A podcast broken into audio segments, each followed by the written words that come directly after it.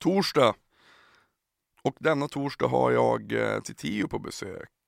En nära vän till mig och en eh, fantastisk, fantastisk människa. Ni som inte vet vem Titiyo är, ni får helt enkelt googla. Hon är ju en av våra främsta vokalister och eh, artister. Har lång, lång karriär bakom sig och så jävla mäktig är hon. När vi spelade in det här avsnittet så var hon dessutom gravid men nu har hon och hennes kille Viktor fått en dotter som heter Bibi som är väldigt, väldigt söt. Puss och kram till er. Men tillbaka till avsnittet och vi pratar om en massa saker. Vi pratar om att eh, 450 i Luleå, surströmming för veckopengen, man vet aldrig vad som händer i livet.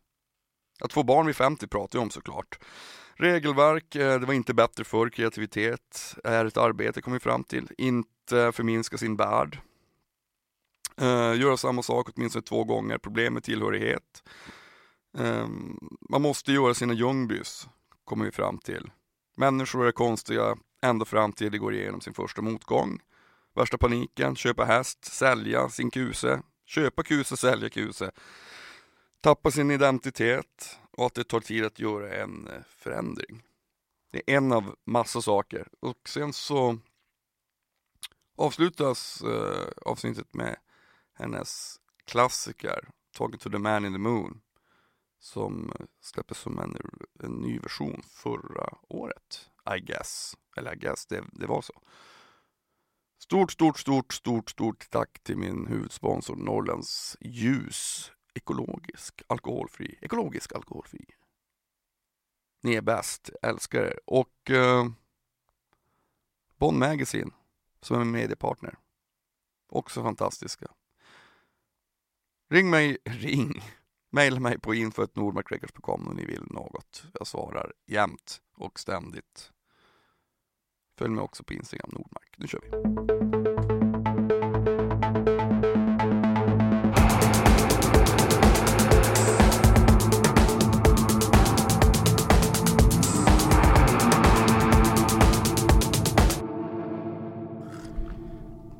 Tio, välkommen ja. till Nordmark podd. Det känns som jag sitter så här, sitter på någon slags eh... Så. så. Ja, vi har ju redan kramat men du ska Slappna få en till kram. du behöver inte resa. Vi behöver inte resa oss upp. Men du, um, måste... Va, va, va, du måste köra makaronsen där. Jag vet inte vad det är för smaker då. Jag tror att det där, den gröna är pistage. Choklad. Den här vet jag inte. Men ska inte du ha den? Mm. Nej men vad heter det? Det var, vi har ju försökt få till det här mötet för fyra, fem gånger. Jag har också bailat jag nästan alla gånger. Roligt. Men, och sist så sa du så här, men jag eh, kan vi köra då? Jag vet inte om jag orkar. Antingen så kör vi efter jul för jag vet inte om jag orkar. Jag, bara, jag fattar det först, jag var så jävla trög. Jag bara, vad, vad, vad snackar hon? Varför orkar hon inte? Det är så, så jobbigt är inte. Alltså du är en mäktig, du är mäktig soulsångerska men du är lite väl divigt där. Vad fan, vi ska ju bara snacka.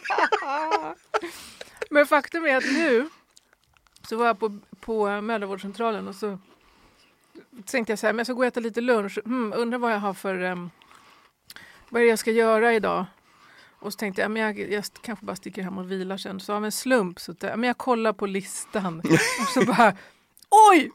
Det är ju podden idag klockan två. Så det hade kunnat bli ja, ännu en ja. gång. Och sist, men var det för en dag sedan när jag, när jag var så, jag hade helt tappat rösten. Så jag bara, vad fan, det här går inte. Och din röst pratade vi om bara dagen innan, om att den är så skön. Ja, tack så mycket. Har du gjort några så här reklam... Nej, nej det har jag faktiskt inte gjort. Jag har gjort för, Norrlands är min sponsor så jag har gjort en grej för dem en gång. Ja men alltså, det, skulle, det kan man ju tänka sig. Alltså in, inför, inför Wet West typ. Mm. Och Åre. Mm. Men jag, nej, nej det har jag aldrig gjort. Jag hade, alltså när jag började klippa den här podden då var jag tvungen att supa ner mig för att jag stod inte ut med min egen röst. Är det sant? Jag tyckte det var så jävla Nej. hemskt. Jag bara, låt det, alltså jag har ju hört mig själv förr för, förstås. Ja. Men när man hör sig själv liksom i timmar när de sitter och klipper. Och är ganska långsam i början. Bara, till slut. Det här, vem vill lyssna på det här för det första? Vad är det här för skit? Men du är från Luleå, eller hur? Nej jag är alltså Fireside är från Luleå men jag är från Piteå från början. Du är från Piteå. Mm. De där två är dina, de, de där får du De var väldigt goda. Jag var uppe i Luleå precis och firade min 50-årsdag. Då mm. var vi uppe och bodde i Treehouse Hotel i Luleå, precis strax utanför Luleå. Mm. Så jävla fint alltså. Fan vad fint. Ja. Och köpte med mig otrolig massa torkat renkött. Det är så gott. Alltså det är så gott Det är bara, att- en, del, en del tycker inte att det är gott, att det smakar så här för mycket vilt. Jag, jag, jag, det det godaste jag vet typ. Det är så jävla Alltså det, man kan äta hejdlöst. Mm. Som godis. Bara. Varför var du där uppe och firade? Här var det någon som... För att jag tänkte att jag skulle dra på, min- på 50-årsdagen. Plus att ehm, jag, var med, jag var med barn. Eller är. Så då kände jag att det blir ingen fest. Det blir en skittråkig fest. Om jag ska liksom gå och lägga mig klockan... Varför just, klockan varför nio. just Luleå av alla ställen? Men du kunde dra till För att vi skulle dra, vi skulle liksom åka till något så här skönt ställe. Vi skulle åka till Portugal, bla bla bla, så blev det så jävla dyrt. Nej, sen var det någon kompis till mig som tipsade, men fan åk dit och, Mm. och det är skitmysigt. Pensionatet och i sånt där hus. Och. Det är så jävla grymt att bara ibland också bara komma bort. Ja. Få så här, Visst. när, när, det känns, när det känns för, för mycket av allting överlag. Och sen Norrland på sommaren är jättefint. Mm. Det där är väldigt mycket mygg dock. Väldigt mycket mygg och väldigt mycket broms. Sjukt Det är mycket broms. sämst egentligen. Det är liksom, jag, jag gillar att åka upp helst i september och i, i påsk. För där är Mm. ingen mygg. Jag får, Då har jag får ut, panik. Ut, Alltså, jag, dött allihop. det är liksom, det är för, det är, jag blir så jävla irriterad. Ja. Plus det, det är liksom alltid en jävla mygg när man ska sova också i, det här, i vilket rum som Precis. helst så hör man bara Men bromsen var också skitjobbiga. Ja de är skitjobbiga. Och jag hade på mig, jag kommer ihåg jag satt i så här världens bromsattack och så började min kille googla så här, vad, om broms och så stod det att de drogs eh, framförallt till blanka, svarta saker. Jag hade liksom så här, det var det enda jag hade på mig, blankt, svart. Och de bet som fan, de tar ju så här tuggor liksom. Det är ju svinont. Men, men- förutom det så var det fantastiskt. Mm. Ja, just, du, fick, du fick inte käka surströmming nu heller då? Nej, inte i år. Jag åt den nu när jag var uppe, jag var faktiskt uppe för några, en månad sedan. Och hälsade på morsan och farfar och jobbade där uppe på musikhögskolan i Piteå. Mhm. Och eh, då käkade vi. Det är, Väldigt så, alltså, det är så jävla gott. Hur äter ni? Med mjukt eller Nej, hårt bröd? hårt Mm. bara. Det finns inte ens mjukt. Ah, Man får inte ens alternativ. Det fyller ut för mycket kanske, man blir så här Ja, mätt blir- för fort. Ja, man vill ha, man vill ha crusten. Ja. Men du, jag tänker alltså på med, och grattis till, till, till fam, familjeutökningen. Fan, Ja. vad, så jävla mäktigt. Alltså får en fråga, fan, alltså hur, det är ju übermäktigt. jag menar alltså vad liksom, jag menar du är ju ung fortfarande, men Ja, ändå men det- 50 år bara såhär, fan shit nu ska jag, det ska Ja. ha ett till kid. Fanns det någon, Alltså- någon såhär, nej men jag, mm, Ja, pallar men jag jag, det det började ju med att jag träffade en kille som var mycket yngre, Viktor, som är fantastisk. Jag träffade honom, Ja. Mm. Och var inte han med han var med när vi på käkade. surströmming ja, också? Ja, ja. Han På gillar det inte. Sturehov. Nej, det var Nej vi var på lite... Tändstopet, Mm. tändstopet. Det blir lite för instängt när man sitter längst in på tändstopet Mm. utan fönster, dörrar. Jag kommer ihåg Eh, Ann-Sofie Back. Ann-Sofie Back var med också, hon fick en, Hon var panik, hon fick en panikångestattack för det luktade så äckligt. Hon blev, hon blev så arg på doften. Jag bara, men Anso, vad i helvete, du, Vad gör du, du vet, du, du vet ju om, alltså pick your fights, god damn it. Jag kommer ihåg att vi var på en annan surströmming, jag inte ska nämna några namn, om en, någons flickvän som var med på den surströmmingen. Och hon satt och gnällde på en surströmmingsmiddag om hur illa det luktade. Och det, jag kommer ihåg att jag också var så här, men är du dum i huvudet? Vad fan sitter du här för? Kan inte du bara Ska gå? vi sitta och lyssna på det här, vi som älskar den här doften? Nej, det var Jag tycker, till, och med- jag tycker att det luktar gott också. Ja, jag tycker också det. Det är så här, men nu fasen, jag tror vi, jag frågade dig någon gång, så, när du käkade, du har en jävligt rolig historia om din, om din Ja, farsa, han bara, hur fan kan du äta rutten mat när folk svälter? men jag var typ 11 och gick för min veckopeng och köpte en burk surströmming på Näröppet i Bergshamra. För då hade jag blivit bjuden av en norrländsk familj då jag hade ätit surströmming så här, på ett traditionellt sätt med brödet och allting. Men så gick jag och köpte, så sur, köpte en burk, öppnade den hemma i våran mi- minitrea. Och min pappa kom hem och var, alltså han har sällan varit så arg alltså, och tyckte att för det första stanken, för det det var ju gulligt, du hade ju tänkt laga mat, bjuda familjen. Jag ville bara äta den här fisken. Men jag stod ju där och bara, "Nej, men det här kanske inte är så kanske inte är så gott att äta så här. Och sen tyckte han ju liksom att ja, mina släktingar och vår familj som liksom knappt har råd att köpa ris och här fan tar du dina veckopengar och köper rot. Du köper rottenmat! så då, ja, det tyckte han var jävligt risigt. Och sen dess sen dess har du älskat här ruttna fisken. Ja. Men tillbaka till barnet här. Jo Alltså, vad- men just det, jag träffade en ung kille och sen så jag tänkte att jag inte skulle ha några fler barn för jag har ett, en tjej som är 25 som heter Femi. jag, träff, jag träffade henne. Ja, Alltså, det som var spelade med kriget i Norge, på det här Bylarm. ja, Och så, och så jag var ute och drack några öl för att hon är tillsammans med en, eh, en, en bekant som är jättenära vän till mig. Mille. Ja precis. Mm. Jag bara så här, och jag kommer ihåg att jag var lite berusad, jag bara så här, det här, det här måste vara till Tios dotter. Så jag frågade, visst du är dotter till Tios dotter? Hon bara, ja. Ja. bara, "Ja, det syns rätt väl. ja, men vi är lika alltså. Ja väldigt. Hon är väldigt ljus men eh, ändå är vi lika. Mm. Nej men så jag hade helt tänkt bort barn. Men du vet ju hur det är, alltså, man, livet, man vet ju aldrig vad som händer. Helt plötsligt så bara... Och det är helt sjukt. Sen jag träffade faktiskt Viktor, jag, sk- jag skrev en sån här lista och det var alltså nästan fyra år sedan, tre och ett halvt. Då är jag liksom, jag ska snart föda barn, jag har byggt hus på Gotland, jag har släppt min första svenska platta. Eh, men jag kan rada upp så många stora, mäktiga... Jag första gången varit i Asien. Mm. Eh, det är så jäkla mycket. Det har bara matats av så här roliga grejer. Och det här är naturligtvis liksom det största. Men jag ska verkligen säga att eh, vi har ju faktiskt... Det har inte hänt helt av sig självt hemma på kammaren. Faktiskt. Nej, men så det- att det- sån jävla superwoman är jag Nej men vad fan, men alltså, inte. Han heller. måste Vi har fått lite hjälp Mm, faktiskt. ja. Men ehm, det är helt otroligt att det överhuvudtaget funkar. Men nu försöker jag... Nu är det liksom förlossning inom två veckor så nu försöker jag normalisera den här Mm. Graviditeten och inte tänka så mycket att det här är ett mirakel och det här är ett under. Mm. Utan vi försöker tänka att det här är en helt normal förlossning. Allting i graviditeten har varit normalt. Mm. All, vi tre har följt kur- kurvan, kurvorna Mm. och så. Så att ehm, det är fantastiskt att känna sig liksom som någon slags superwoman men i grunden så... I om grunden man, så är det ju det. Om man luppar det så är det inte riktigt... Ja men det är ju, det är ju ändå, det, att det är, det, är ju det är ju otroligt mäktigt men det är också väldigt inspirerande. Ja, Alltså, för jag, menar, liksom, det är så alltså- att, jag tänker så här, det är inte så med alla jävla normer som vi lever i överhuvudtaget. Man, vi, vi är liksom så inrutade i de här tavelverken. Hur man, ska, hur man ska leva sina liv och Ja, som också är liksom dränerande i sig och, Ja. och så oinspirerande. Så fort det kommer någon som ruckar lite på det där med, med, med en massa positiva grejer så blir man ju så jävla pepp. ja, men det är bra. Det är bra. Att man, eh... Men jag tror att jag har liksom varit så himla... Jag har varit ganska barnslig på något sätt.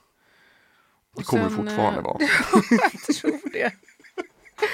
Och sen har jag faktiskt... Nej, jag har faktiskt... Jag har varit väldigt... Inte så sugen på att gå in i något sån här Nej. regelverk faktiskt. Men eh, jag tycker det är så jävla fint också när man träffar någon som, som man också, ja det är såklart, såklart att man känner sig som ett team, men att man, att det kan ge- ge språng till flera olika saker som är så Ja. jävla grymma. Ja, Alltså som du sa när du släppte skivan och byggde ett hus. blir... Att det liksom att, att man liksom kan inspirera varandra till att göra saker som är Absolut. sjukt roliga och fina. Det är ju, liksom, det är ju halva grejen. Ja, Jag är så pass gammal nu så att jag, det måste vara så för mig. Alltså det måste finnas någon gemensam pepp som ja. är, annars får jag fan vara, jag är hellre Känna själv. att det pulsar, pu- liksom att det, att det inte stannar upp. Det är jag det får tråkiga som panik finns. på Det- människor som säger att det var bättre förr eller... Är inte det värsta som finns? Ja, det är så fruktansvärt. Det var bättre för mig. Menar du att det var bättre på 1500-talet när Ja. alla dog när de var 20 Ja, bast? Var det verkligen bättre? Eller att musiken skulle vara bättre förr och nu, nu är musiken så si och så. Ja men det är för att du inte liksom kan den. Det Nej. är antagligen för att du inte är intresserad. Nej. Liksom. Men eh, Jag tror inte att det där ligger någonting också att man hela tiden, tillbaka till det där jävla ramverket, att man efter att vi, vi liksom är liksom drillade till att bete oss på ett visst sätt vid vissa i åldrar vissa också. åldrar, absolut. absolut. Skittråkigt. Ja. Jag kan faktiskt... Jag, man ska inte prata så att killar är si, tjejer är så. Men jag kan uppleva att fler killar är liksom mer konservativa i... i alltså som det här, alla har ju varit jättepositiva. Mm, Men jag upplever att kvinnor är liksom mer mm. så här, fan vad coolt och Mm. fan vad starkt. Medan killar kan vara så här, det är ju fantastiskt fast man ser att de tänker Hmm, fan är det där verkligen bra? Ska man verkligen göra så när man är 50? Är det, verkligen, är det här verkligen rätt? Liksom? Det, nej, men det är ju en Och- väldigt, pass, det är en väldigt tråkig inställning för att om, om man har tur så man bara, men fan vet du vad, jag hade liksom åtminstone tänkt planera att leva tills jag är 90. Och gör man inte 40 det, år till! om man släpper taget, så folk som slutar och äh, men jag har lagt av och tränar, liksom. jag känner nu är ungarna stora, vi, man har inte samma go. Liksom. Det är så här, åh, alltså, sånt kan man Mm. inte lyssna på. Det är Nej, jätte... men är inte det, tror du inte att det går ihop lite grann med allting? Att, att det, jag upplever att det är väldigt, väldigt tråkigt att känna sig, att man stagnerar. Exakt. Så, så är det med allting. Man kan ju ta det lugnt. Ja, Men det är en Men- helt annan sak. Men att liksom tappa sin eh, nyfikenhet eller bli så ängslig, att inte våga resa. Liksom. mm. Nej, jag tänker inte åka till Brasilien, det är alldeles för farligt. Alltså, det är också sådär, okej, Mm. men Ja, men- sitt där då. Men jag skickar ett vykort när jag kommer dit, alltså ett, ett sms, ett MMS. jag tror att det är, eh, eh, precis som att eh, vara kreativ, det är ju, det är ju, det är ju lite av ett arbete. Man måste, du vet, man måste pusha, man måste, måste putta liksom... igång det. Ja, Ja. man kan inte sitta och vänta på... Och jag tror att det är samma sak med att när man blir, när åren går, man blir äldre, man måste se till att man inte förminskar sin värld för mycket, Mm. tycker jag. Att man inte så blir så, vanligt, liksom? lokal. Ja. Liksom. Jag, jag har en, kompis som, var, som förr spelade ganska mycket så här. Han, han bara, ja men det skulle vara så kul att spela mer. Jag bara, ja, ja, ja, ja absolut. Jag har inte tid med mer nu. Jag har, jag, alltså, vi har spelat tillsammans. Jag, bara, jag har inte. Jag har, jag har 40 olika konstellationer. Jag, jag har, tid, nu finns ingen mer tid. Nej. Och jag har också ett privatliv som jag försöker få ihop i allt det här. Ja. Ehm, men om du vill spela mer, spela mer. ja, Alltså det, det, det ska inte vara jag som gör att du spelar mer. Du, får, ju- precis. du måste ju ta ansvar. Hitta din Hitt- egen, Hitta din egen eh, liksom, kanal på hur du drift. vill och drift. Precis. Jag tror att folk ibland är rädda för att man tror, man, man, man utgår hela tiden också för att man bara att, det, att vad man än gör kan bli ett misslyckande. Ja, att man behöver bekräftelsen Ja. att det inte är någon fara. Och det, det kan man ju, då kanske du bekräftar det för den här personen. att eh, ja, men Gör vi det här tillsammans, man tar lite mindre ansvar Mm. och man kan liksom, man kanske inte blir lika utlämnad. Men, eh, men hur gammal är du själv Per? Oj, nu ska jag hämta lite kaffe. 42 är jag. Det är 42. Nej, jag säger fel, 41. Jag fyller 42. Ja, Vill du ha mer vatten? eh, ja, men det här är bra.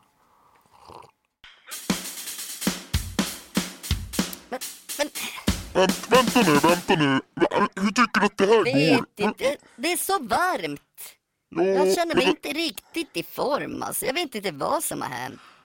Vet du vad du ska göra då? Jag tycker du ska testa att ta en Norrlands guld ljus alkoholfri. Bra mot törst. Testa här.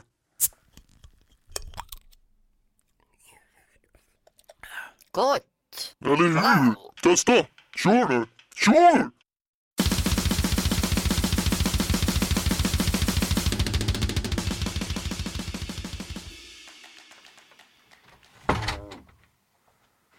Jag var ju själv, när man växer upp i en liten stad som, som jag gjorde i Piteå. När jag var 18-19 då kom jag ihåg att jag tänkte så här, om inte jag har fast jobb och två kids minst när jag är När du- 22-23, Ja. då är det någonting som är riktigt snett. Är det ett småstads, eller i Piteå, det är inte småstad Jo, kanske, det är en småstad. det är Det är, f- det är, liksom, det är, en liten stad där. Ja. Är Men det ett tror att- småstadstänk tror du? Jag tror att det är ganska va- lite, lite, lite vanligare då. Alltså Ja. det känns som att hela den här, hela den här jantelagsgrejen, den är ju typ upp, uppfunnen i Piteå. Ja. Lite Är grann det så. Ja, men åtminstone Norrbotten. Man ska det, bara hålla sig, håll inte på. nej, man, ska göra, man ska göra sin grej och Ja. det är liksom, man, det kan vara, folk kan vara impade över att man gör grymma saker men ändå Ändå. Man, ska bara veta att, som Pelle Almqvist sa till mig en gång, bara, som man säger i Fagersta, det smäller bara två gånger, nu och sen när kistlocket åker igen. Nu och sen när kistlocket deppig åker mentalitet. Men Det är lite, det är lite så här att man, det, det, det är ganska mycket vanligare tror jag. Nu vet Mm. jag, det, jag flyttade ju när jag var 18, så det är ju tusen år sedan. Men att det är, eh, det är lite, lite vanligare att det ska utstakas hur framtiden ska bli liksom. Du, Ja. Man utbildar sig och sen har man sitt jobb och så. Och så Man kanske bor någonstans annars men sen man flyttar tillbaka och, Ja. och, eh, och sådär. Börjar det jag- bli en tom stad eller? Vad sa du? Nej, börjar det bli en tom Nej, stad? eller? tvärtom. Jag tror att den ökar. De, det finns ju både liksom högskolor och musikhögskolor och sånt Ja. där. Så att jag tror att det, den är nog ganska blomstrande. Ja. Och det är nära Luleå också. Så Ja. det, men jag tycker det är väldigt intressant. Jag kommer ihåg när min, min mormor var, hon var ju bland de första i Norrbotten som startade eget. En, en guldsmedsbutik på 50-talet. Är det sant? Ja, som ni, min mamma och min moster och syrra driver. Entreprenör alltså? Mm, alltså super, alltså himla liksom inspirerande och, och mäktig på det sättet. Men det var ju också att hon jobbade hela tiden när mamma var liten och det gjorde ju ingen då. Nej. Så morsan var bara så här, fan kan inte du vara hemma som alla andra? Hon bara, nej men jag vill jobba. Otroligt att det Ja. var så ovanligt då Jag ändå. jättestark kvinna och liksom helt, helt magisk. Jag saknar det supermycket. Var det din mormor? av min mormor. Mm. Men då berättade de att de, jag tror det var hon som berättade att de bytte, de hade köpt en ny bil, det var inte så många som hade bil ens. Det låter som att det är 1800-tal med hästvagn, men det, det var liksom det var ganska sällsynt sådär. Och då bytte de nummerplåt när de köpte en ny bil, för då fick man en ny plåt. De tyckte det var så jävla pinsamt att visa att man hade en ny bil. Nej, det är verkligen högsta poängen av jante Ja. utsatthet. Ja, Otroligt. fan det går ändå ganska bra det här. Men jag kommer ihåg när jag och Magnus Frykberg var tillsammans, det är alltså Mm. Fe- Femmis eh, pappa, producenten. Han hade köpt en, ja men typ en jeep, typ en SUV. Mm. Precis när de liksom dök upp. Och jag tyckte att det var så fruktansvärt pinsamt för att det var så, alltså då 90-talet, det skulle vara ganska liksom underground och det skulle inte vara Motaktion vi hade inte 80 också. kommit Ja. till den här champagne, drugs, päls, liksom gangsta-grejen då, utan innan. Och jag kommer ihåg att jag tvingade honom att liksom inte parkera precis utanför Saturnus utan någonstans i närheten. Du, Så jävla fånigt! Kan du Så att- parkera din jävla bil så jag slipper skämmas? Men också lite så här jante. Ja det är det ju att verkligen. jag skapar någon slags jante-tänk. Ja, Men alltså, ska vad fan- inte komma glidandes, det ser så himla liksom. Men tror du inte Alltså- att det är så här att Finns det i något annat land eller på att säga? Just Den här ja, jantelags... Den är ju inte amerikansk i varje Alltså fall. det är, jag tror att det bara existerar här uppe i norr. Mm, Finland definitivt. definitivt ja. Norge är väl kanske lite mer sådär, gillar någon slags... Eh... Men nej, jag, jag kan inte tänka mig att... USA är väl totalt tvärtom. Ja det är tvärtom. Det är Ja. bara ju, ju more Good the for merrier. you. Verkligen. Sen om man tänker så här olika kulturer inom native americans. Kanske lite tveksamt. De är så som ser igenom någon slags jante. Native americans skulle säkert kunna säga någon sån här. När man kommer i sin nya glammiga bil så skulle de kunna säga något trevligt men ändå lite så här, träffande, dräpande. Det här var ju trevligt fast jag bryr mig inte ett skit. You're always gonna be the same person anyway. Men jag tänker tillbaka på din musik också. Du, har ju släppt liksom, fan är det? Sex, du håller på med sjunde nu. Som är lite on hold I guess. En, två, tre, fyra, fem. Ja men precis, Drottningen är tillbaka, eller Trettongården heter den faktiskt. Det var väl mitt, var det sjätte? Jag, jag, jag, jag ska inte svära, men jag tror det. Jag tror att du har släppt tre, sex. En, två, tre. Jo men det är sjätte Mm. albumet, precis. Tror att den här liksom, det som vi pratade om innan, tror du att det på något sätt eh, har varit, jag vet inte om du inte själv har tänkt på det, men den här eh, tanken på att alltid liksom vara nyfiken och aldrig stagnera och för att du menar, det, man hör ju direkt att det är du, men det, alla album skiljer sig ju väldigt ändå. Mm, Och det senaste är dessutom på svenska. mm. Kommer det här, kommer det vara på svenska också? Ja, Ja. jag har bestämt att nu måste jag dels... nu måste jag växa upp. ja, precis. Var lite Lars Winnerbäck nu. Försök att göra en sak, samma sak åtminstone två gånger. Men jag sa det, det var någon som... Eller jag har tänkt på det, att om en person säger fan jag tycker verkligen inte Tio är bra. Då skulle man ju kunna ställa en motfråga till den personen. Vilken av dem? Mm, liksom. För att de skiljer sig ju ganska mycket. De Och det är jättemycket. nog, eh, det har nog varit på lite ont, gott och ont för mig tror jag. Att, att göra folk... Det är inte alltid bra att folk inte riktigt vet vad som komma skall. Nej, för att som- folk vill alltid veta, folk vill ju alltid förstå. Ja, Eller, och, och, och känna att man, att, man, att man är i liksom rätt element. Man, vilket jag tycker är, jag tycker det är skittråkigt. Alltså det, vissa kan göra det. det kan vara tråkigt som skapare eller som Jo. upphovsmakare. Jag snackade med, med, med, Pell, med Hives, Pelle om det. Han bara, ja men det feta är ju att göra samma sak, att vara i den här lilla lådan och bara klösa. Nej, man, men men ja, det, det, är ju vad man är, alltså. det är vad man är för person tänker jag. Ja. Om du är en sån person som bara säger, men fan det här är tråkigt, jag vill testa den här grejen. Om man har lite så här sökande tendenser, då är ju det, då är det väl det rätt. Ja. Och så får, man, så får det väl, det får väl bara vara som det är. Men sen så tror jag också att, att eh, jag tror Pelle är ju svinbra på det han gör.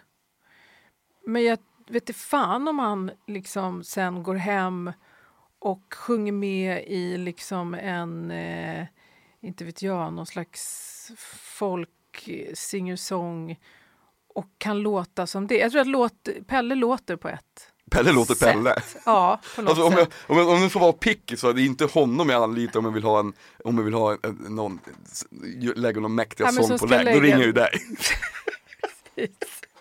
Och jag har också, jag kan ju låta på många, jag har inspirerats av många Mm. och jag kan låta på ganska många olika. Ibland kan jag nästan bli lite bekymrad över min egen kameleont Känner du dig benägenhet. Liksom. Ja, men, jag liksom gör en skiva som heter El Rojo Adios som är väldigt sådär amerikansk folk, lite western, bla bla.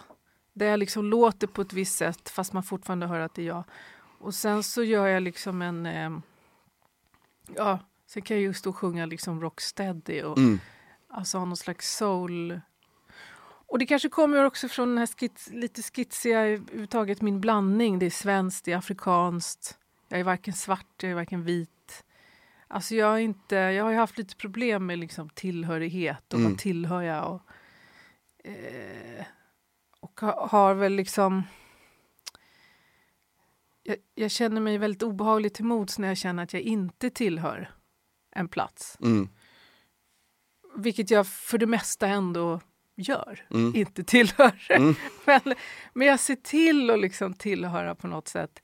Så att jag tror att jag har em, både liksom skills och ja, men starkt behov av att, att triggas igång av Mm. nya... Liksom, man hör någon så här Vashti Bunyan-skiva. och så Mm. bara, Shit! Och så Mm. blir det en pepp. Liksom. Mm. Och sen så... Men som sagt, det blir ju lite skitsigt. Man kan ju, alltså, att vara Hives-Pelle eller vara liksom Winnerbäck, att man liksom gör sin... Man har sitt recept. Mm. Men jag, jag och så jobbar man på det. Det kan man också bli lite Mm. avundsjuk Mm. på. Det känns... Eh, jag ska, det Men man kan ju också vända på det, du kan också bara säga, åh fan, jo men det är också jävligt mäktigt att du har verkat som artist. Hur länge då? Typ snart 30 år, 28 år, eller sen slutet av 80-talet. Ja, Eh, och du kan ha gjort, du, du har gjort olika, olik musik, olika skivor och, och du har liksom Det är, det, det, det är din legacy. Det Ja. är väl också jävligt mäktigt. Sen det har ju varit kommersiellt lite ojämn. Så Ja men, det, det liksom ja men det kan man ju också se Men jag som har en alltid jävligt kunnat bra leva grej. väldigt gott på Mm. min musik. Vilket är jävligt skönt. Mm. Var det, märkte du, för jag menar Jag började också liksom spela och leva på musik när jag, när jag var väldigt ung, alltså Mm. Fireside. Och då, då var det någon slags blomstringstid där i mitten av 90-talet där det fortfarande funkade. Vi såg ju ändå aldrig några pengar i och för sig. Men fanns det, no- kommer du ihåg någonstans att shit nu är, det, nu är det jävligt annorlunda, nu är det inte samma sak som kan, Jag vet ju inte hur det var på slutet av 80-talet till exempel, alltså när du, när signade du för, var det Telegram eller? Ja, vi signade väl vid åt- 87, 88, 87 Mm. och släppte första singeln 89. Men jag, jag släppte ju Kommer lång, min, min största framgång, kallar jag det för. Den släppte jag precis när liksom, fildelningen När fan var det? Typ dök upp. 2001? 2000. Ja, Så det var typ sista CD-släppen. ja, Och det var precis då som allting bara pff, ja. rasade liksom. Så att... Eh, och jag tror, jag har ju så här platinum försålda skivor. Så har jag ju på Kommer lång. Sen vet jag att, eh, jag vet inte om det tog, och då är det väl så här, jag tror jag har så här 100 000 plattor sålda. Mm. Bla bla. Nu är det nere på så här 20 knappt tror jag. Och- Och det är också jävligt mycket. Och det är väldigt mycket. Ja, Men det hände liksom på, jag kommer ihåg bara två, tre år så ja. Rasade allt. Men tror du inte att så, allt sånt där i slutändan kanske till och med har någonting Jag tänker alltid att det där, det tar så lång tid för saker att stabiliseras Ja, Det är som att romarriket föll och sen Exakt. måste någonting annat byggas ja. upp Spadtag för spadtag, vilket är jävligt bra. Ja. Det var jävligt mycket ruttna strukturer med den där Ja. skitbranschen liksom. Och så mycket pengar i omlopp Mm. till bara, ja, ibland bara bullshit. Verkligen. Väldigt mycket. Mm. Plus att den skivan som jag släppte sen 2008, det var ju liksom min... Vad ska man säga? Det, det var en ny fa- det var, min, det var mitt självförtroende till tio och jag är på riktigt, jag kan skriva låtar. Alltså det var min... Eh, ja, men jag tog min plattform i min, min, mitt eget huvud på Mm. något sätt. Och det kom definitivt ut av hela den här liksom fildelningsgrejen. För Mm. att det var så många som jag blev så inspirerad av som var typ så här Marit Bergman, ja, men Frida Hyvönen, eh, Arne Brun. Helt plötsligt så fanns det ju plats för kreatörer att göra själva. De behövde inte ett skivbolag med en miljons kontrakt i bakhuvudet utan man kunde göra platta hemma. Mm. Man kunde se konstig ut, konstiga masker. Alltså det var väldigt Mm. så här. Och så till exempel Knife, alltså allting blev eh, lite primitivt. Mm. Och, och då hängde jag, det var så bra för jag hängde på hela den vågen och fick Mm. jättemycket guts. Eh, från just den perioden Mm. som, som kom utifrån hela den här liksom, dippen. Ja.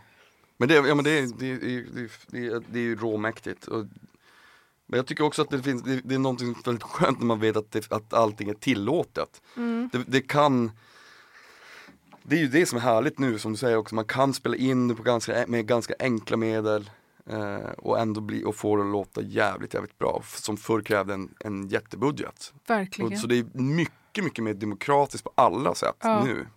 Och det är inte som i Formel 1.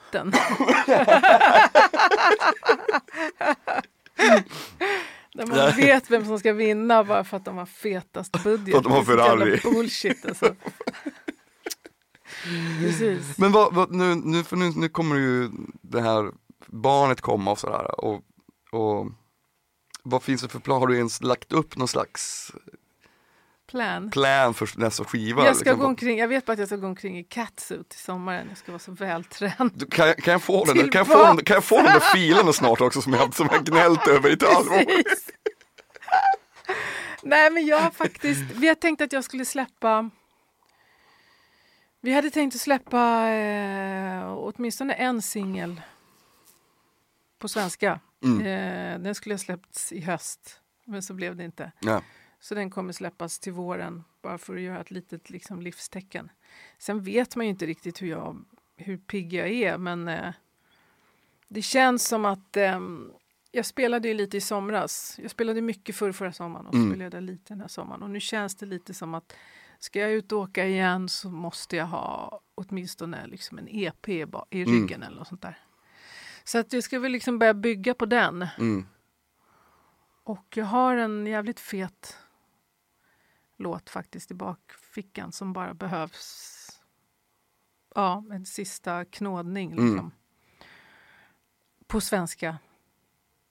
Fan vad Eh, fett. Ja, jag Men- fortsätter på det för det, blev, det gav mig så jävla nya eh, plattformar. Men alltså. än en gång, det är väl det som är det grymma, att man måste hela tiden känna att så här, men okej, men nu är det det här jag vill. Och då, jag tänker alltid så med livet över, överlag, att man, för ibland, är man ju, ibland mår man ju inte till exempel på topp. Nej. Då, måste, då är det ännu viktigare att se till att man gör det man vill göra. Ja. Alltså, så att man, så Och att man inte liksom så här slutar pissa på sig själv. Jag mår dåligt nu. Ja, men okej, men du kanske mår dåligt också för att du gör någonting som du verkligen inte vill. ja, precis. Det är, ja, för Då är det nästan svårt. bättre att inte göra någonting. Exakt, Faktiskt. börjar bli katatonisk. Nej, jag, jag gillar ingenting av det här, men jag ska bara vara. Ja, men ingenting blir oftast någonting till slut. Liksom. Men, ja, men det har öppnat, svenskan har blivit liksom öppnat så jävla mycket, alltså, speciellt Norrland. Förra sommaren och för, förra gjorde jag mina absolut fetaste och mest uppskattade spelningar var, var Mm. uppe. Mm. Och jag har ju också gjort mina bottennapp där, inte för att jag var dålig men Ja, men till exempel när jag gick på samtidigt som Ulf Lundell i Sundsvall. Då stod det en mamma och hennes två barn framför kravallstaketet Det är ändå så jävla och fel. ju peppade aldrig- ändå. Kom igen nu Tio, fan vi gillar dig. Men sen så strömmar det faktiskt till en ja, det är 150-200 pers kanske. Och sen fick jag den fetaste recensionen dagen efter, fetare än Lundell. Men, eh, Yes. men nu... Fuck you Lundell. ja, men nu när jag spe, har spelat upp i Norrland så har det varit så jävla mycket folk och man märker att folk har lyssnat på plattan och Mm. uppskattar gigget och så att jag tänker inte lämna svenskan i första taget. Nej. Det känns som att jag har hittat... Men jag, tycker- jag tycker det är så jävla jag, jag har ju haft äran att spela med dig några gånger med, med, eh, med Niklas Frisk faktiskt. Kommer du ihåg det? Men det, det är jättelänge sedan nu. Det! Men då kommer då kom jag ihåg det, för då kände jag så här, fan Niklas hade ju träffat tusen gånger, hade- jag hade aldrig träffat dig då. Alltså för vi kommer väl repa, bara för att Tio, hon är, jävla, hon är en sån jävla Hon är en sån jävla legend. För att jag menar, du är ändå näst, ja, du är åtta år äldre än mig. Men jag kommer ihåg att min syrra lyssnade på dig när, när du Ja. släppte första. Så bara, och det där har liksom alltid legat kvar. Jag ringde hem till syrran och bara, fan syrran vet du? Jag, jag ser mig till tio ikväll, det är så jävla mäktigt. Men har, du- men har, du, har, har du alltid haft den här äh, att liven också, för du, du känns ju som en tvättäkta liveartist också samtidigt. Alltså, för att det är så att du gjort det så länge, men har det varit något alltid ett självklart element? Att åka ut och spela och liksom, det låter ju så. När du, när du säger Alltså det har varit både och. Jag tror att... Ja, ja i och med att jag kommer från en musikfamilj. mm, Och min farsa har ju varit ute liksom och turnerat så att jag har ju liksom en så här live musik, verkligen ryggsäck. mm, Men sen tror jag att jag alltid har varit lite... Alltså jag är ju inte någon Zlatan på det viset att jag... Alltså till, som ett exempel. När vi skulle spela på första plattan, så, nej andra plattan. Då åkte vi ut typ 15 pers eh, på turné, på tågturné. mhm. Fast det var helt misslyckat. Nej, det lät ju Vi bara skitmysigt. blev avhamnade på konstiga... Det var skitjobbigt. Och jag hade... Femmi var med, hon var ett år eller något sånt där, två år. Vi hade barnflickor, vi hade Christian Falk med sina barn, vi hade Sleepy. Vi hade... Ja men vi var liksom... Vi var som familjen Taikon som åkte runt. Och folk tyckte att vi var så jobbiga för vi åkte i första klass jämt. Ja. Och det hände så många gånger att någon gubbe liksom, ja jag tror ni har hamnat fel. Jag tror att ni ska längre bak i tåget. och jag kommer ihåg att jag, jag tycker aldrig, jag tycker inte att det är roligt. Nej. Jag blir inte en sån där som pratar ännu högre och ska Nej. provocera utan jag jag vet inte, jag tar det så personligt på något sätt. Och till exempel när vi skulle spela i Ljungby då visste jag att Ljungby hade så jävla liksom rasse ton på Mm. något sätt. Och det var så här, och skulle jag dit och spela min soulmusik. Och det gigget, jag började med att vi skulle spela extra numret Nej! Det är bara, i panik. Det är värsta Aerosmith-grejen. Du vet när han har knarkat så mycket så han Jag tror att de vill spela sista låten. Jag önskade att det var så. Men jag var ju tvungen att vara kvar. Men jag bara, nej vi kör den. Alltså panik av att jag kände mig så hotad. Jag Ja. kände mig hotad Fan vad sjukt alltså. publiken. De var väl liksom helt okej. men jag bara kände, det var väl inte vår mest uppskattade liksom. Jag fattar vad sjukt det är om man bygger upp liksom en rädsla för någonting, så, alltså, och ibland kanske inte är så, men som du säger, men att, att det är så risigt Ja, så att det påverkar någon innan någonting har hänt. precis. Så jävla hemskt. Det är hemskt. Det, Det är, är trist hemskt. alltså. Fan, hoppas att- att all den där jävla skiten försvinner alltså. Ja. man, blir, man blir ju ledsen faktiskt när man, Men då var det bara Ljungby. Nu är det ju många, eller bara Ljungby. Men... Nej, men så att jag har alltid gillat att spela live men jag har också varit lite ängslig över att stå inför eh, pu- publik som kanske inte är, är så förtjust i det jag gör. Liksom. mm, Så att det har varit lite sådär någon blandning. Men nu, till exempel med den här plattan och också med förra, eh, när jag var ute med Goran och körde Hidden-plattan. Då Goran blev vi ett sånt, ja precis, då blev vi sånt jävla maskineri. mm, Och med den plattan och den här, det spelar fan ingen roll var jag står någonstans, på vilken jävla scen. Det kan vara de mest jävla, liksom, ja men helt fel publik. Och jag känner mig så jävla trygg i det här maskineriet. Så Mm. det, nu har jag äntligen kommit till en sån där, jag, jag, ni får gärna stå här och lyssna, fine. Jag tycker det här är grymt. Mm. jag, jag kommer köra, jag kör mitt. ja. Sen kan ni hänga på om ni känner jag för det tycker inte. samtidigt- Och alltså det är så jag- jävla skönt. Det är ju råmäktigt. Och sen märker man, jag märker hur jag, varje gig hur jag får, hur jag liksom, ja vad säger man när man fiskar, man liksom hovar, man, man ha- hovar in in. Det kommer mer folk, kom en till sill. folk går inte, man ser ju sånt. ja. Liksom. Ja, ja. Och till slut så är, tycker folk att det är så fruktansvärt bra. Mm.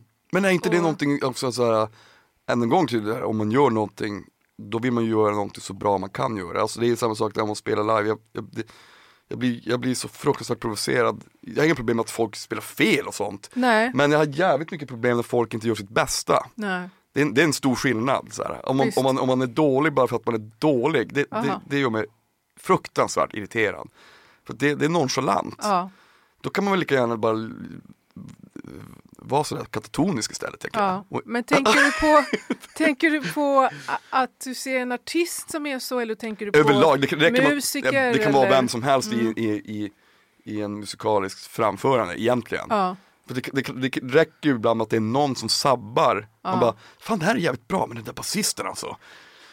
Varför kan inte någon bara sparka ut fanskapet? Alltså du vet, ibland är det ju så. Jag, Ja. så jag blir som detaljnörd när jag står och kollar. Det Ja. kanske är för att man håller på med musik själv, men så här, eller folk som slarvar bara för att... eh, Ja, lite så. Liksom, Men dit jag vill komma var att varje gång när jag sett dig uppträda och sjunga så, så, så ger du ett en lyster, ett sken av att du gör att du har ett sånt jävla bra självförtroende. mm, Och det är, det är något som jag tycker är så fint när man ser en artist eller musiker, att man vet att man är i sitt rätta element. Mm. Det tar tid att komma dit.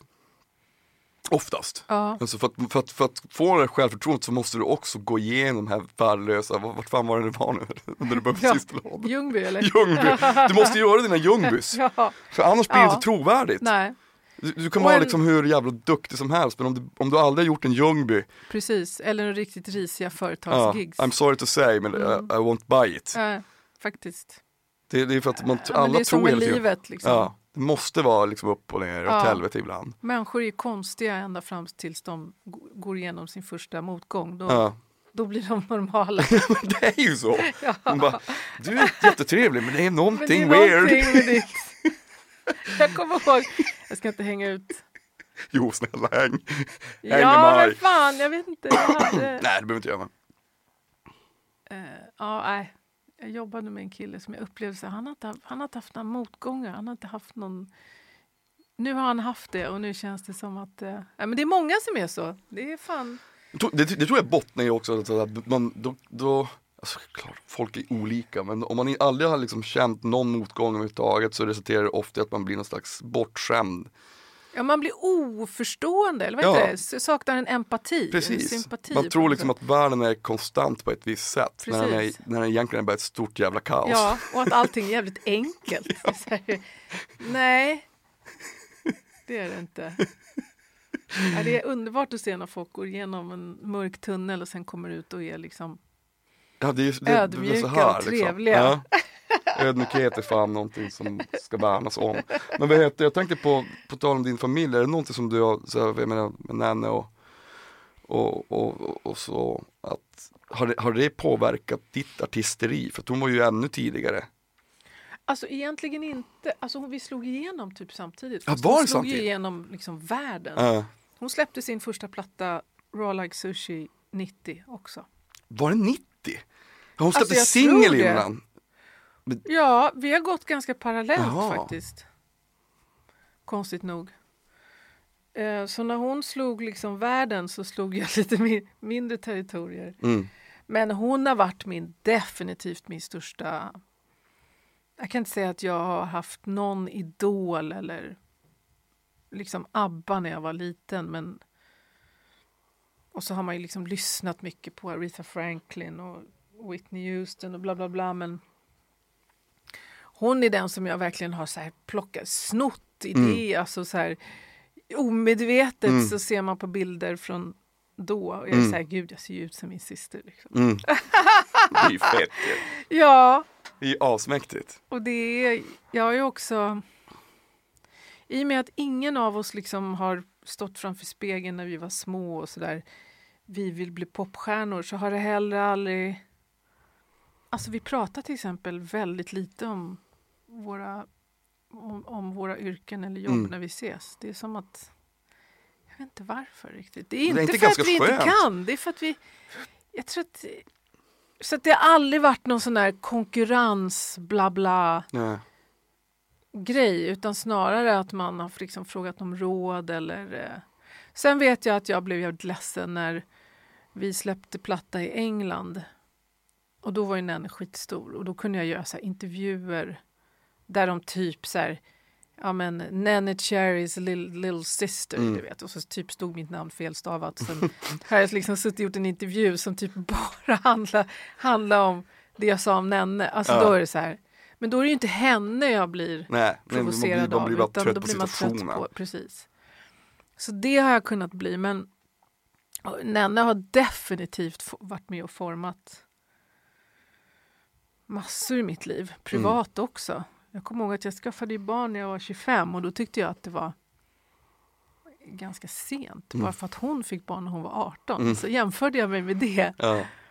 Och det var, var inget fel att jag skaffade barn så tidigt. Men jag har liksom haft henne som en Mm. Som en, ett bollplank. Men så jävla fint också att inte känna någon slags, jag, menar, jag tror att det kan vara ganska vanligt inom familjer också, att man får någon slags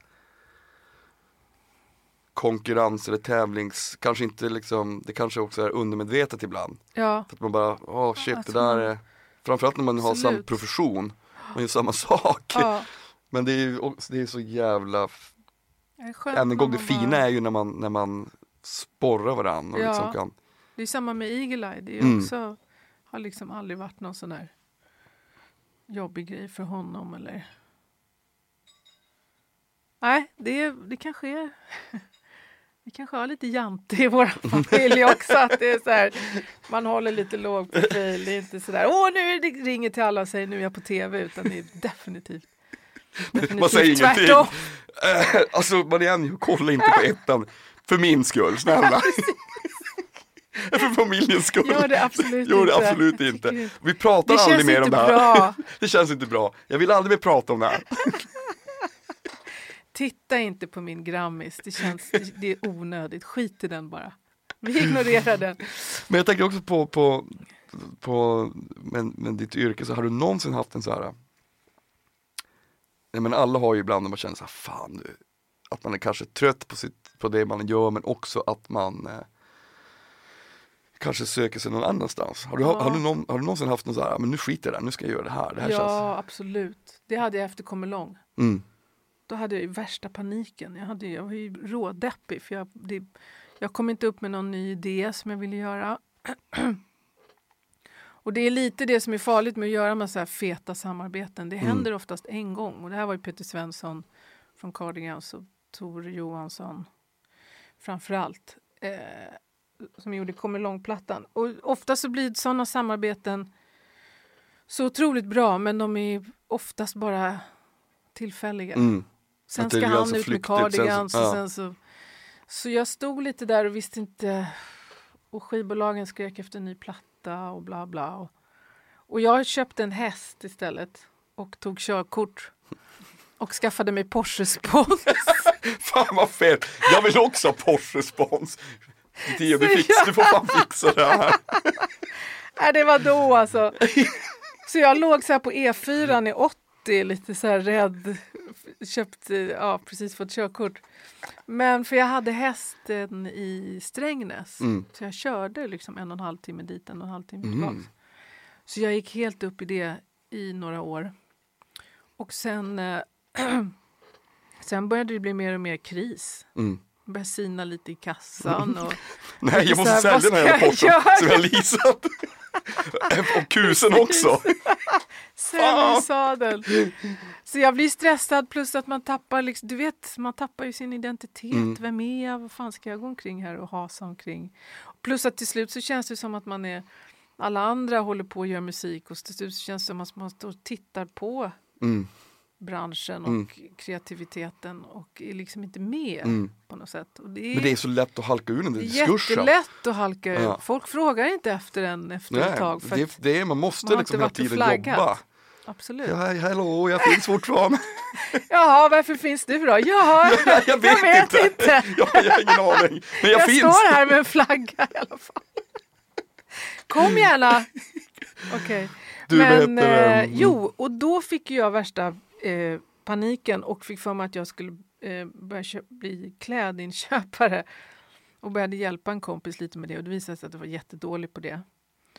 Och var inte alls till någon hjälp. Och sen gick jag faktiskt, så tänkte jag, eh, så började jag tänka att nej men vad fan, jag är någon slags konstnärstyp. Jag ser mig själv som en konstnär. Och det var precis den här perioden som jag pratade om förut, om liksom alla de här kvinnliga kreatörerna som gjorde massa crazy bla bla. Så jag gick och köpte mig en skit eh, ska jag säga, en sån där dansbands Casio som jag tog hem.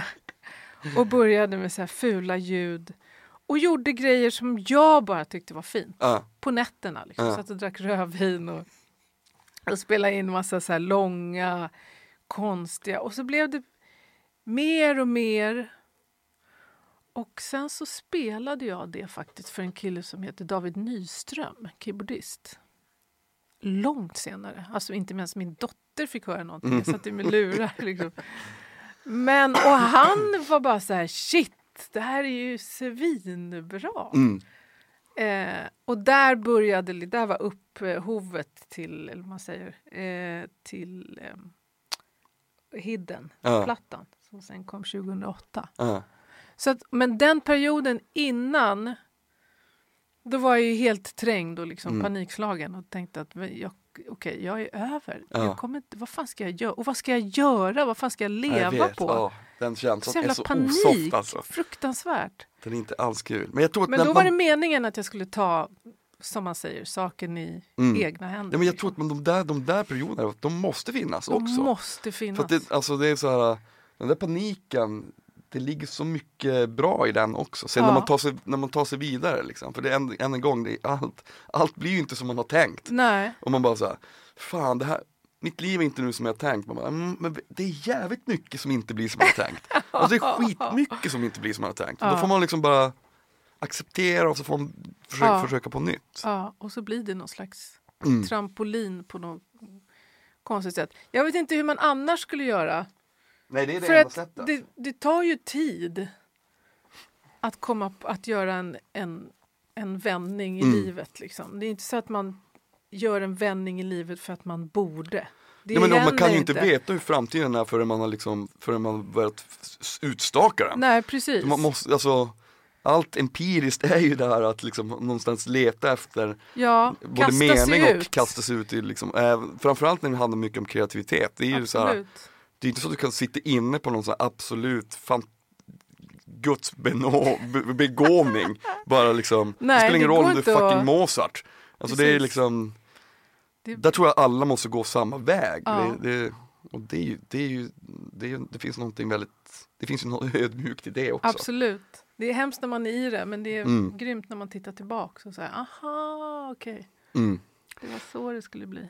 Men jag, jag, jag, jag så jävla peppad på att höra din, dina kommande grejer. Jag ska göra en remix på den. Ja, det ska du! det ska jag. Och det är faktiskt, jag har jobbat, den låten har jag jobbat med Christian Gabel. Mm, ja, jag känner Christian jätteväl. Yes. Han är och grym. han har gjort den tillsammans med en kille som heter Sebastian, Mm, som jag nu har glömt efternamnet på, men också en Karlstadbo. mm. Fan vad Eh, spännande. De har gjort Ja. en jävligt fet instrumental från början som jag sen skrev en låt på. Mm. Fått lite hjälp av Marit Bergman och lite av eh, Jonathan Johansson. Fan vad kul. Ja, den ska du göra en... Den ska jag göra fet. Yes! Den ska jag göra fet. Ja, jag lovar att du ska få fi, fi. Du fasen vad kul att du, att du ville vara med. Har vi Nu- redan Ja, snackat? nu har vi snackat, nu är terapisessionen över. Oh, Nu ska du få en kram. Tack för att du Är kom. det sant? Kan jag resa mig? Lycka till med allt. Fan vad trevligt det var för att det har gått så fort. Ja, det var det, det var det, det var det.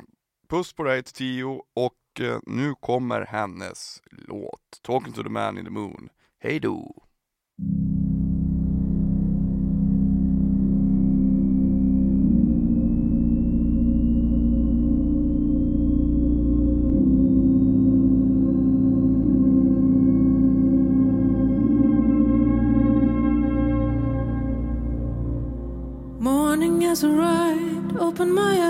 Watching the sun painting the walls with yellow light. Last night I had a dream, that kind of dream that makes you wish you had never woken up. And I, I don't know why this dream, this dream came to me, but it was a trip. My arms are turning wings, that kind of wings that makes you fly like a bird through the sky. A journey through the clouds, higher than high, faster than fast. Suddenly I saw something strange. And I, I don't know why this dream, this dream came to me. And guess what I saw?